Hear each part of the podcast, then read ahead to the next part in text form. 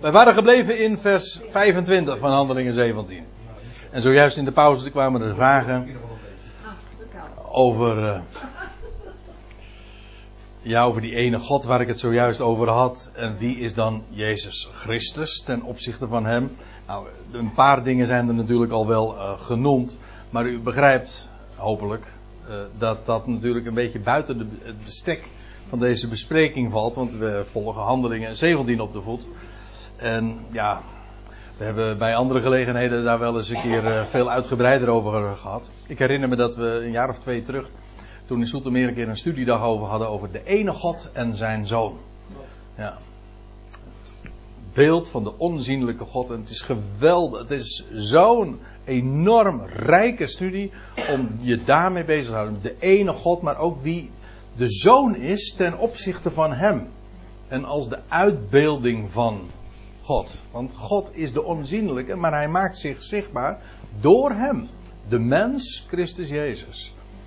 Hij heeft een unieke plaats. Zo uniek als God is, zo uniek is ook de middelaar van God en mensen. Eén middelaar van God en mensen. Ja, dat is een, eh, een geweldig onderwerp. Ook als we het hebben over zijn voortbestaan als woord. Want hij was voor alle dingen. Maar hoe dan wel? Wel als woord, als de logos van God. Hij is het woord dat vlees werd. Geweldige onderwerpen, maar daar gaan we ons van nu niet aan wijden. Ja, wie is alle? Nou, toen, kwam even de vraag aan de orde of, uh, of Allah dezelfde is als God. En dat is altijd een wat verwarrende vraag. Want het eerste antwoord dat, dat je moet geven, dat is ja, het gebied de eerlijkheid, denk ik, te zeggen. Het woord Allah is gewoon het Arabische woord voor God. Als, wij, als ik hier, mijn Arabisch is niet zo heel erg goed. Maar stel je voor dat ik Arabisch had gesproken en u ook. Dan had ik, vanmorgen, had ik vanavond voortdurend het over Allah gehad. Want het is gewoon het Arabische woord voor God. Maar wat er achter die vraag steekt, dat is uh, wel duidelijk, dat is of de God zoals de moslims hem kennen, identiek is aan de God van de Bijbel. En dan zeg ik nee, dat zeker niet. Er is maar één God, dat is, dat is, dat is waar. En ik heb er helemaal geen moeite mee om hem Allah te noemen. Dat is geen naam. Allah is geen naam, Allah is gewoon een titel, de Arabische titel voor wat wij God noemen. En de Grieken spreken over Theos en de Joden hebben het over Elohim. En, de, en de, in het Arabisch heeft men het over Allah. Maar, ja, zoals de Koran hem voorstelt, een van de basiswaarheden, of waarheden, ik moet eigenlijk zeggen, een van de basisleugens van de Koran, van de, van de islam is, God heeft geen zoon. Het is ook de, is de inscriptie ook op, de, op het heiligdom, dus aanhalingstekens, op het tempelplein. Met die gouden koepel, daar staat in het Arabisch: God heeft geen zoon. Nou, de Bijbelse waarheid is juist: God heeft een zoon. De enige geboren zoon van God. Letterlijk, hè? Door God verwekt. Dus ja, dat wordt zo glashard ontkend eh, in de islam.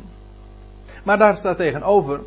Uh, kijk, men zegt dan van ja, is, is de God van de islam, of is de God van. Uh, is Allah dezelfde als de God van de Bijbel. Maar dat zou je, dan zou je die vraag ook moeten stellen, eerlijkheidshalve. Is de God van het christendom dezelfde als de God van de Bijbel? Ja, dan komt er ineens even heel, dan komt het eventjes heel veel heftiger binnen. Dat is eigenlijk waar we het over hebben, want er is maar één God.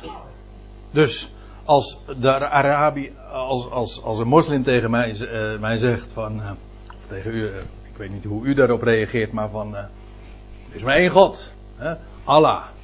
Dan zeg ik amen, natuurlijk. Er is maar één God, de schepper van hemel en aarde, dat is wat een moslim gelooft. En eigenlijk uh, is dit veel moeilijker communiceren dan met een christen hoor.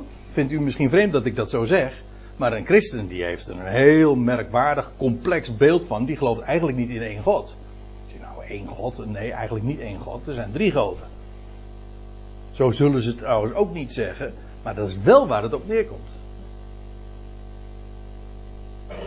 Ja.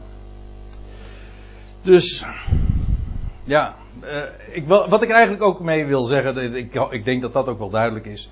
Mensen, die waarheid van de God, van de ene God, is de basis. Verkwansel dat niet, doen dat niet af als van nou ja, iets bijkomstig. Dat is niet iets bijkomstig.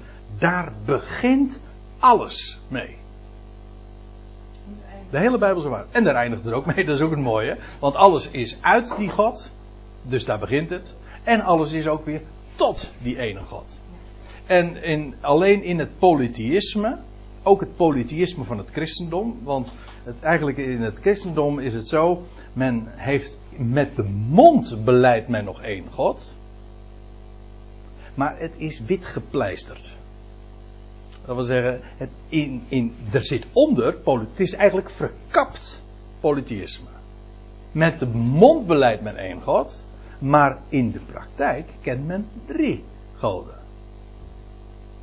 En dat is dus eigenlijk wat ik zeg, het is verkapt polytheïsme. Dus je moet het gelijk, drie God en gelijk een op de Vader van onze Heer Jezus Christus. Juist, het, precies zoals Paulus dat ook doet. Voor ons nogthans is er maar één God, de Vader. Wie? Wel, de Vader van onze Heer Jezus Christus. Die God. Dat is de ene God. En kijk het maar eens na in uw Bijbel, in de, de brieven. Hoe, hoe, hoe, is de aanhef? Nou, um, eentje staat mij heel erg voor de geest, want ik had hem vanmiddag nog onder ogen. Zoals Paulus begint in de Galatenbrief. Paulus, apostel, niet vanwege mensen, nog door een mens, maar door Jezus Christus en God, de Vader, die hem opgewekt heeft uit de doden. Nou, zo begint deze brief. Maar, nou, ga verder naar de Efeze 1 of ga verder naar Filippenz. Al die brieven beginnen zo. God, de Vader en zijn Zoon, Jezus Christus, die Hij, God, uit de doden heeft opgewekt. In het christendom kent men dat ook al niet. Sorry dat ik dat misschien wat uh, zo antithetisch, zo als tegenstelling neerzet, maar zo is het. In het christendom zegt men, Jezus Christus, zo zingt men het ook, hè? hij verrees uit graf door eigen kracht. Nee, de Bijbel zegt, God de Vader heeft hem opgewekt uit de doden. Kijk, als hij God is, want zo zegt men het ook, hè? Hij rees uit graf door eigen kracht, want hij is God, bekleed met macht.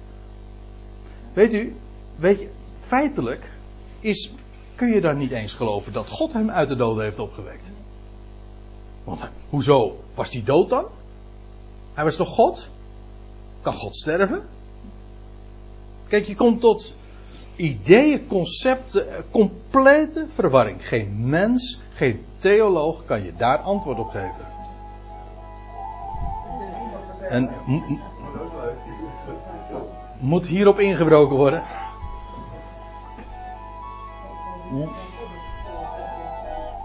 Ja. Dat kan gebeuren in de huiskamer, nietwaar?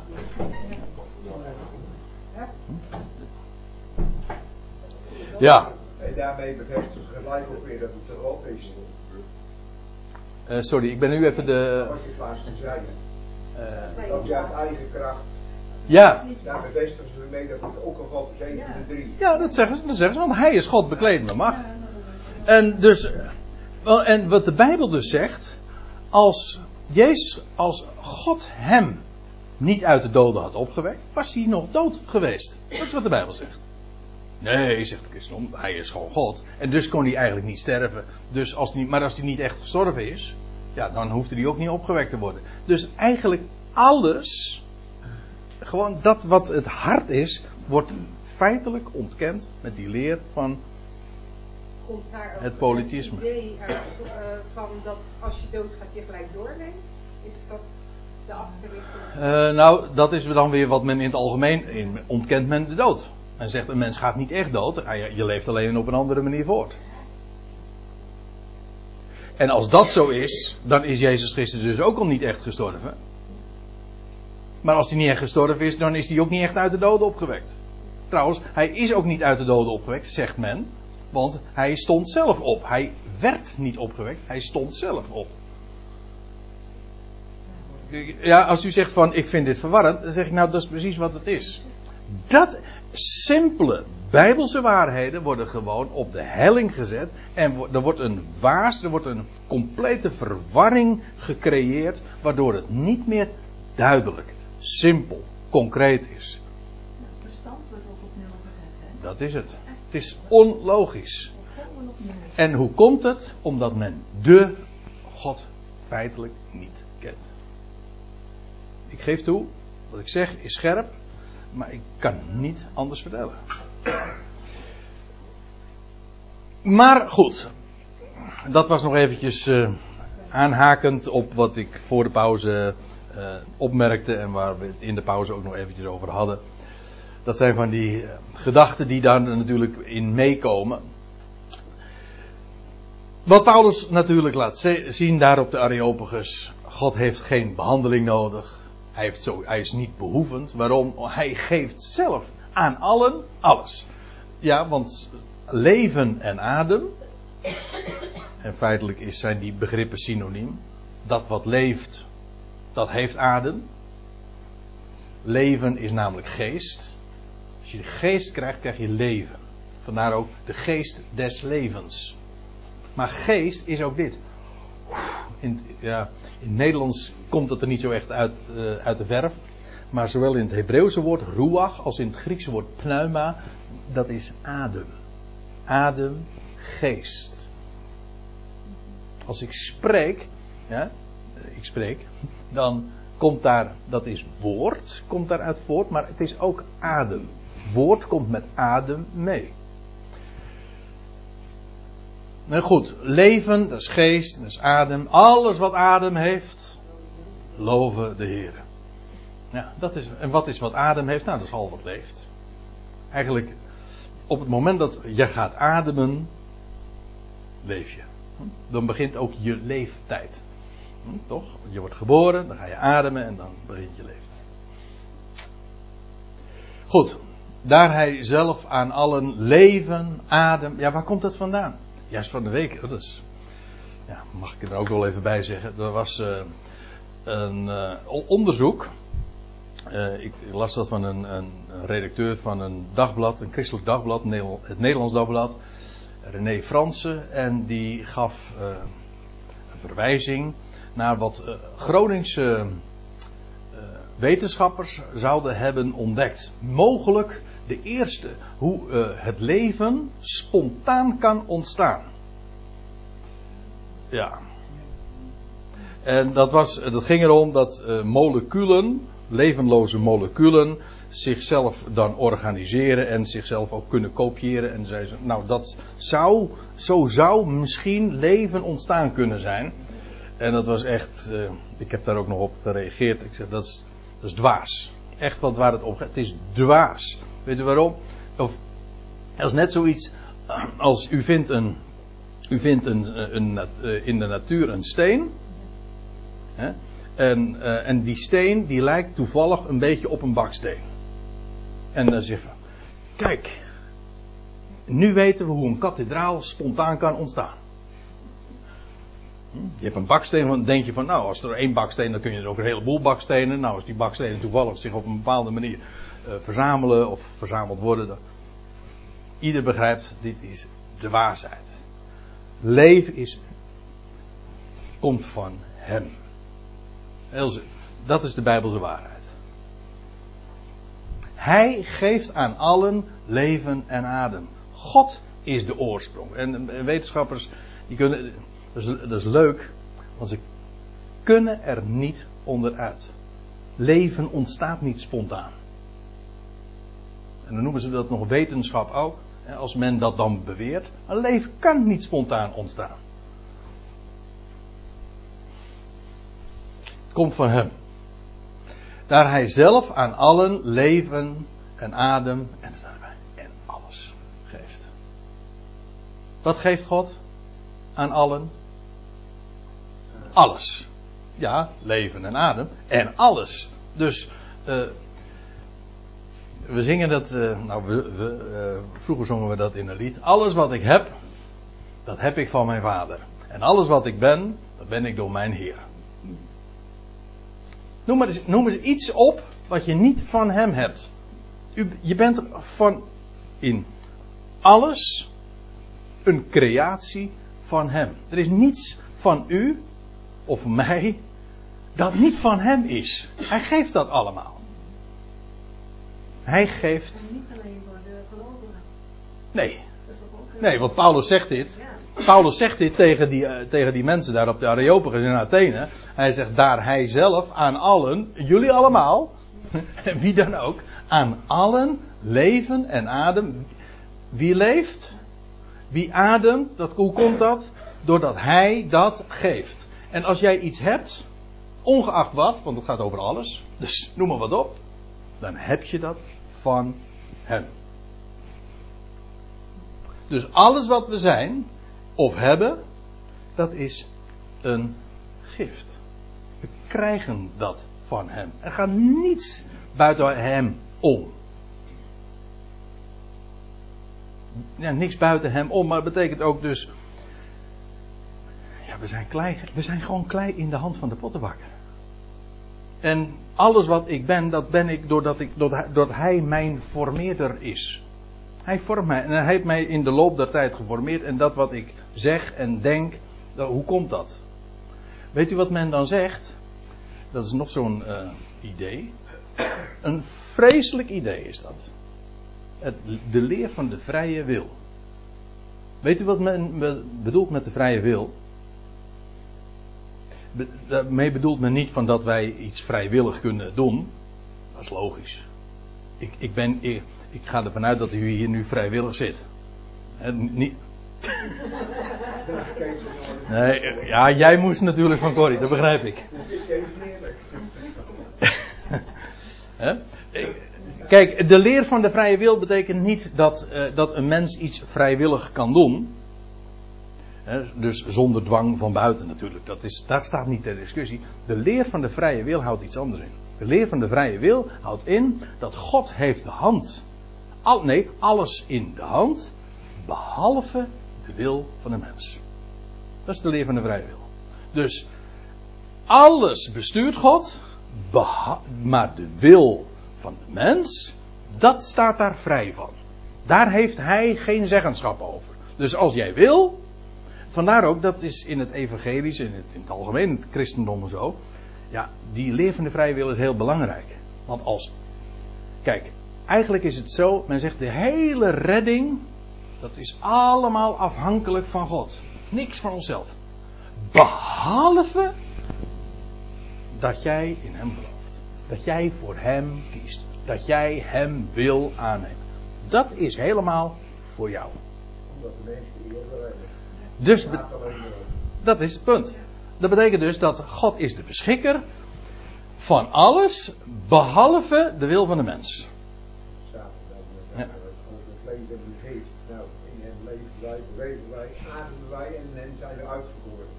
Ja, nou daar gaan we, daar, maar daar gaan we straks nog over. Ja, ja.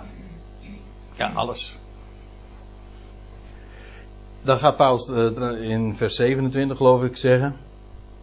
Nee, in vers 28. In hem leven wij, bewegen wij ons. Maar ziet u, alles. Hij is de beschikker. En de plaats, ja, de plaats, hij is God. Hij is God. En dus plaatst hij alles. En die, dat wat jij hebt en wat je bent. Kijk, hoe zeggen we dat? Niemand heeft zichzelf gemaakt. Nee, niemand heeft zichzelf gemaakt. Ook eh, die schepsels eh, waarvan wij, waar we zoveel afgrijzen eh, van hebben, daar wil ik niks van afdoen. Maar die hebben zichzelf ook niet gemaakt. Geen mens heeft zichzelf gemaakt. Het feit dat ik hem mag kennen, dat mijn daar ogen daarvoor geopend zijn, hoe komt dat? Ja, ik zeg, ik zeg, eigenlijk zeg ik het al. Mijn ogen zijn geopend.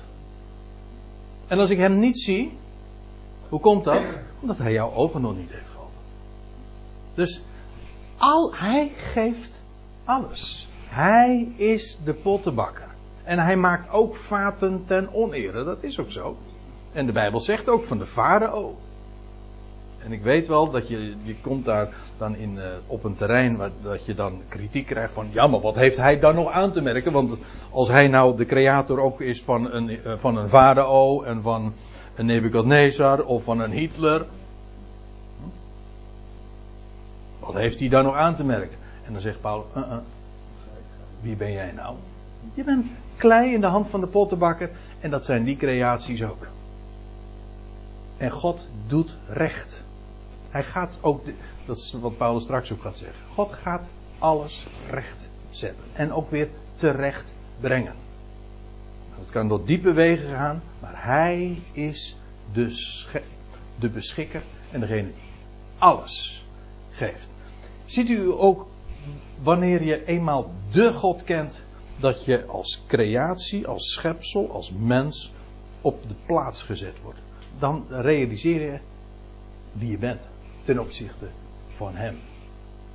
En ook dat wat je mag zien en mag kennen, het is alles een genadegave van Hem. Hij geeft niet alleen maar dat, en dat mijn hartje klopt enzovoort. Dat is een gave van Hem. Hij geeft leven, adem, maar alles wat ik heb, mijn geloof, mijn bezittingen, of op welk niveau ook, dat wat ik ben en wat ik heb, dat is alles een gave van Hem. Het is zo logisch. Geen mens kan hier een spel tussen krijgen. Dit is, dit is gewoon ABC van logica. Weet u wat de Bijbel ook zegt? Het is het begin van wijsheid. Als je dit niet kent, dan ken je de vrezen des Heren niet. De vrezen des Heren wil zeggen dat je ontzag hebt voor de God.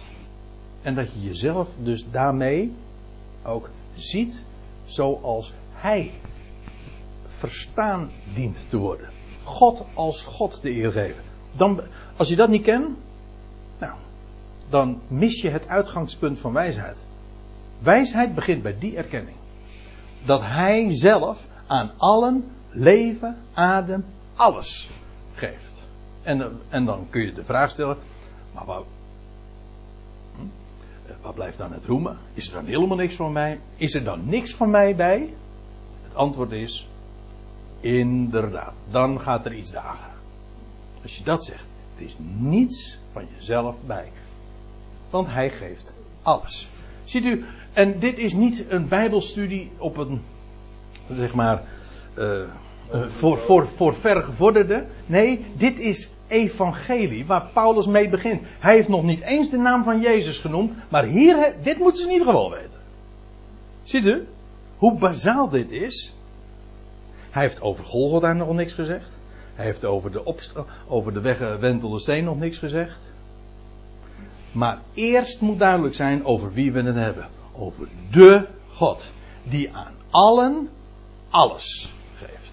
Als je het niet begrijpt, nou dan hoef je, dan eh, kom je aan de rest uh, überhaupt ook niet toe. Het is ABC. Dat is het beginsel. Dat is het eerste van alles. Ik weet niet hoe ik het nog meer moet benadrukken en onderstrepen. Dus hij schept, en behouden. Ja. Ja, dat kan niet anders. Wie anders? Hij, is, hij staat aan het begin. Hij is, hij is de oorsprong. De schepper. De onderhouder. Door wie alles bestaat. En ook de behouder. Tot wie alles weer is. Uit wie, door wie, tot wie. Ja. Precies. En staat, uh, zegt Paulus dan verder. Uh, hij geeft. Uh, nee, sorry. Hij, niet hij geeft. Hij heeft uit één enkele het hele menselijk geslacht gemaakt. Ook hier trouwens weer. Hij heeft gemaakt, ook dit staat weer in die beroemde aorist. Ja. Het feit wordt gesteld onbepaalde tijd. Het gaat er niet om dat, dat, dat hij het hele menselijk geslacht al gemaakt heeft op een bepaald moment. Nee, het feit wordt, hij is de maker. Hij, hij maakt. Zo staat het. Hij maakt. Bovendien,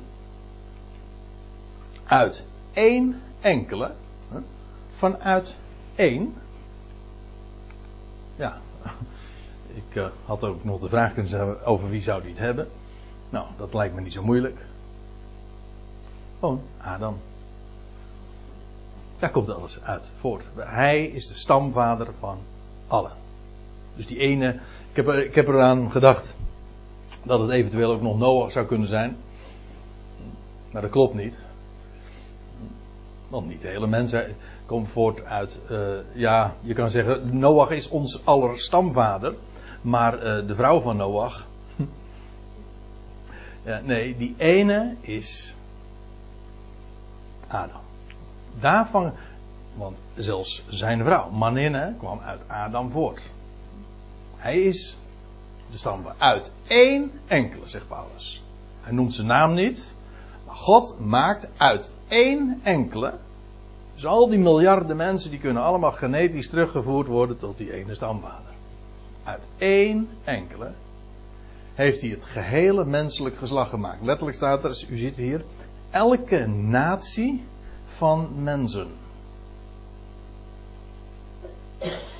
Elke natie van mensen. Dus waar ze ook zijn, uh, ze komen allemaal voort uit die ene enkele mens. En hij heeft uit één, uit één het, elke natie van mensen, uh, of maakt hij, om op de ganse oppervlakte, of op de ganse, het aangezicht uh, van de aarde te wonen. De aarde. De aarde, ik zeg het er maar eens even bij. Ja, de laatste tijd word ik nog eens een keertje. Uh, ben ik diverse keren geconfronteerd met vragen over het Bijbels wereldbeeld.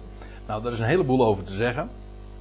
Maar uh, wees nuchter ook hierin, want de aarde in de Bijbel is gewoon het droge. Oftewel het land. Ik heb een verwijzing naar Genesis 1, vers 10 gemaakt. Dan lees je God, zo, dat is de definitie van God zelf. God noemde het droge aarde. Met andere woorden, wat is de aarde? Dat is het land waarop we lopen. Als u op zee bent, bent u dus niet meer op aarde. Nee, God noemde het droge aarde en, het, uh, en de wateren zeeën. Zo staat het. Dat is dus van elkaar onderscheiden. De Bijbel kent dus niet wat Holinsi wel kende. De, de planeet die aarde heette. Nee, de Bijbel kent geen planeet. De aarde is in de Bijbel geen planeet. De Bijbel is gewoon. In de aarde is gewoon het land waarop de mens loopt. Dat is heel belangrijk deze definitie. Want ook als je het hebt over het wereldbeeld. Juist uh, van de week. Ja, ik zou haast in de verleiding komen om daar uh, dieper op in te gaan. Uh, maar dan ging het over de plat, leert de Bijbel een platte aarde. Een heel interessante kwestie trouwens. Ik hoop daar nog een keer op terug te komen. Maar in ieder geval, dit moet duidelijk zijn. De aarde is in de Bijbel het land. Dat is een ding wat zeker is. En in dit geval is het ook heel duidelijk. Want hij, die elke natie van mensen, waar wonen ze? Wel op de ganse, de ganse aangezicht van het droge. Ja, van het land. Uh, en hij heeft de hun toegemeten tijden en de grenzen van hun woonplaatsen bepaald.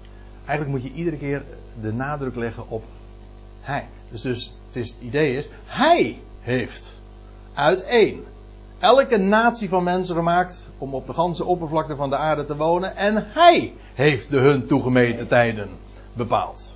Iedere keer, wie is die hij? Dat is de God. Is dat eigenlijk trouwens het woordje, niet het gewone woord voor tijden, niet chronos, maar kairos, dat zijn perioden. Specifieke tijd, momenten en ook gelegenheden. Uh, ik verwees al even eerder naar uh, Paulus in Lystra. Dan lees je dat Paulus daar zegt, in dat heidense gezelschap, toch heeft hij, de ene God, zich niet onbetuigd gelaten door wel te doen, door u van de hemel regen en vruchtbare tijden. Hier gebruikt hij weer dat woordje kairos. Vruchtbare tijden te geven en aan uw hart de overvloed van spijs en vrolijkheid te schenken. Paulus spreekt hier tegen dus mensen die God niet kenden en niet vereerden. En hij maakt hen bekend. En dan zegt hij, die God is het die dat alles zo geeft en bepaalt. Trouwens, In alle opzichten is dat zo. God is de God van de ruimte, maar ook van de tijden.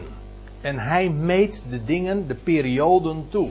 In de zin ook van seizoen. Hij geeft ze seizoenen, vruchtbare tijden.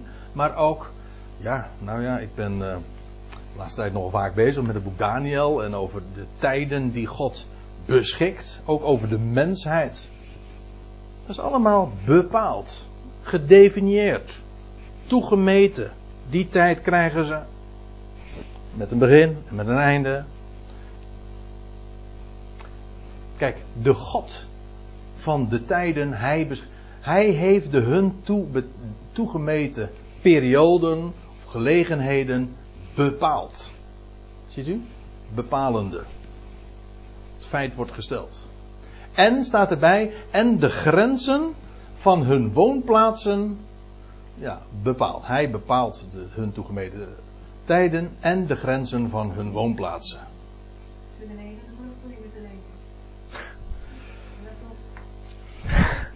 Ja, je bedoelt, dus hij overschrijden de grenzen.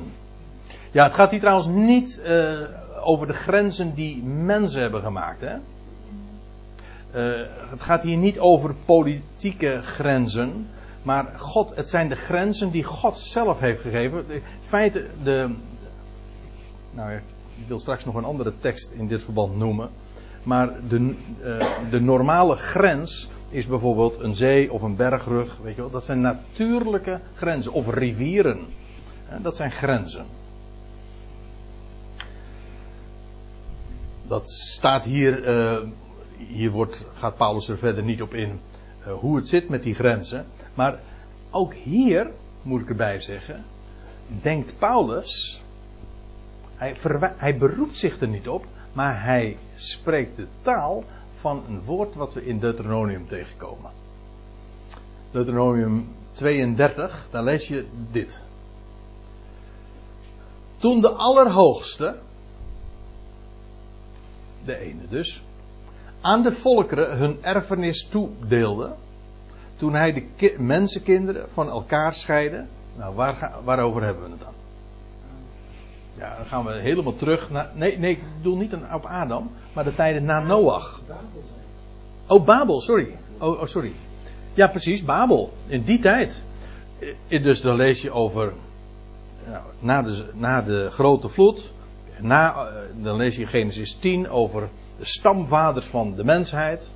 De zonen van Noach. Hun kinderen, hun kleinkinderen. Ze worden allemaal genoemd. 70 namen. 70 stamvaders van de, van de, van de natie, van elke natie van mensen. Maar goed, u weet, die zijn. Ze wilden samenklonteren, ze wilden zich een naam maken en God heeft hun uh, een spraak verdeeld, zodat ze ook wel uit elkaar moesten om op de ganse oppervlakte van de aarde te gaan wonen. Om zich te verspreiden. Niet om zich een naam te maken, maar om zich te verspreiden. Nou, toen de Allerhoogste aan de volkeren hun erfenis, dat, hun lotsdeel toedeelde. Toen hij de mensenkinderen van elkaar scheidde, heeft hij de grenzen van de volkeren vastgesteld. En hoe deed hij dat? Naar het aantal van de zonen van Israël. Hier is nog wat om te doen hoor. Maar, eh, nou, de eerste gedachte die, die ligt zo voor het oprapen. Dat betekent dus dat de volkerenwereld gegroepeerd is rondom Israël. Israël is daarbij eh, de norm, het aantal van de zonen van Israël en de volkeren zijn er omheen gegroepeerd. En hoeveel zonen had Israël? Twaalf. Ja? Is twaalf zonen. En daarom, en hoeveel volkeren zijn er? Hoeveel natieën? Volgens de Bijbel, hè?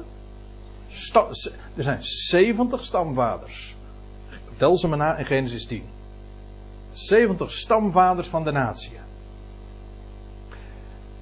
Wel, dat aantal, die volkeren, heeft hij een plek gegeven, staat hier. En ze zijn eh, naar het aantal van de zonen van Israël. Gegroepeerd rondom Israël. Dat is een heel mooi Bijbels beeld eh, daarvan. En dat is in Exodus 15. Daar had ik het vorige week trouwens in Bodegraaf ook al over. Toen ging het over de Ja- die vrouw die aan de Jacobsbron zat. Maar goed. Ehm, Genesis, of Exodus 15, dan lees je dat als Israël net uit Egypte is eh, bevrijd.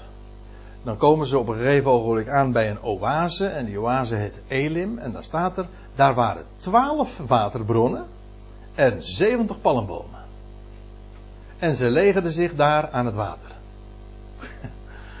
Mooi hè? Dus, daar waren twaalf waterbronnen. Waar denk je bij het getal 12 aan? Aan de zonen van Israël. En waar denk je bij 70 aan? Aan de natieën. Dat is het getal van de natieën. De 70 volkeren. En die 70 palmbomen, die bestaan bij de gratie, zijn gegroepeerd rondom die waterbronnen natuurlijk. Wie levert voedsel aan die palmbomen? Nou, dat zijn die twaalf waterbronnen. Want u weet, de woorden Gods zijn aan Israël toevertrouwd. Hun, wat is het voorrecht van de Jood? In de eerste plaats dit, zegt Paulus, aan hun zijn de woorden Gods toevertrouwd. En via Israël komt het vervolgens in de schriften tot de natie. Tot de natie. Trouwens, hoeveel boeken telt dit boek? De, de, deze bibliotheek? Ja, men zegt dan 66 altijd. Dat is niet zo. Dat komt omdat men het boek Psalmen als één boek rekent. Maar de Psalmen zijn vijf boeken. Dus er komen vier boeken bij. En rekent één boek, het zijn er vijf. Dus dat zijn er geen 66 boeken.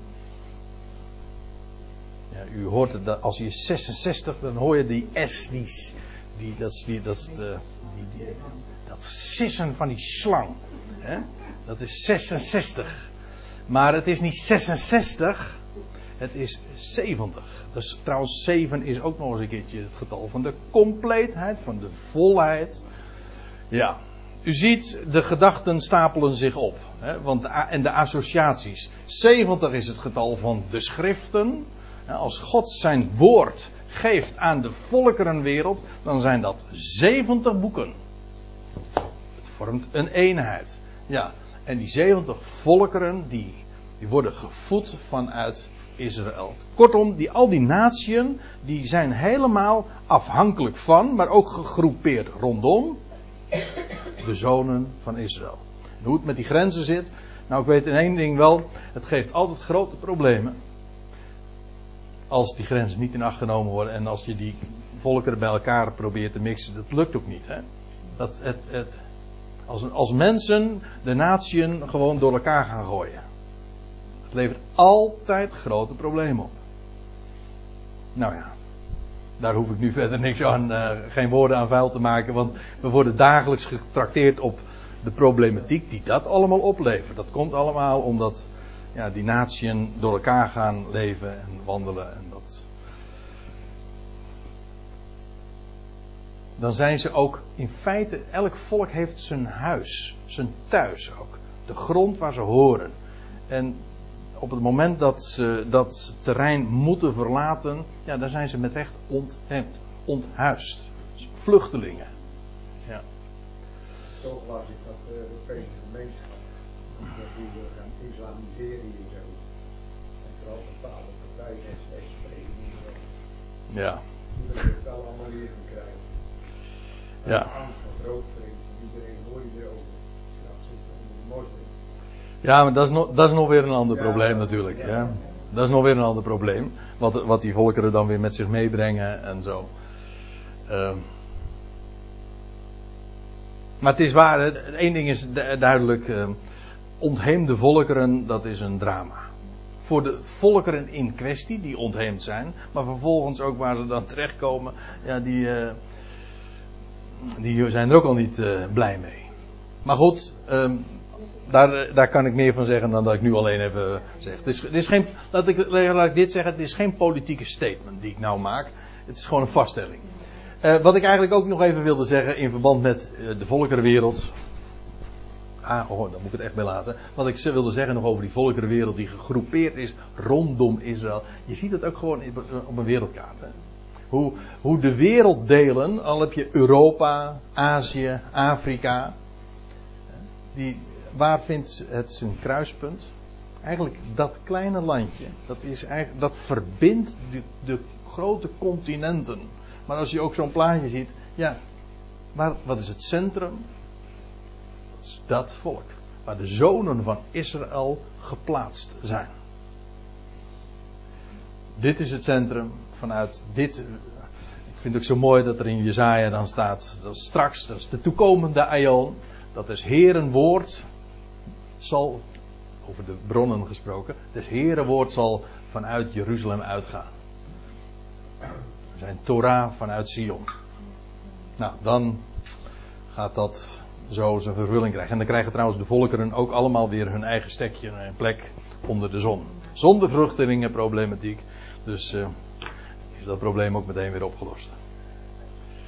Zo. Ja, daar doen ze in de Verenigde Naties veel langer over, hè? Toch was maar zo. Ik stel voor dat we het hier maar even bij laten voor vanavond.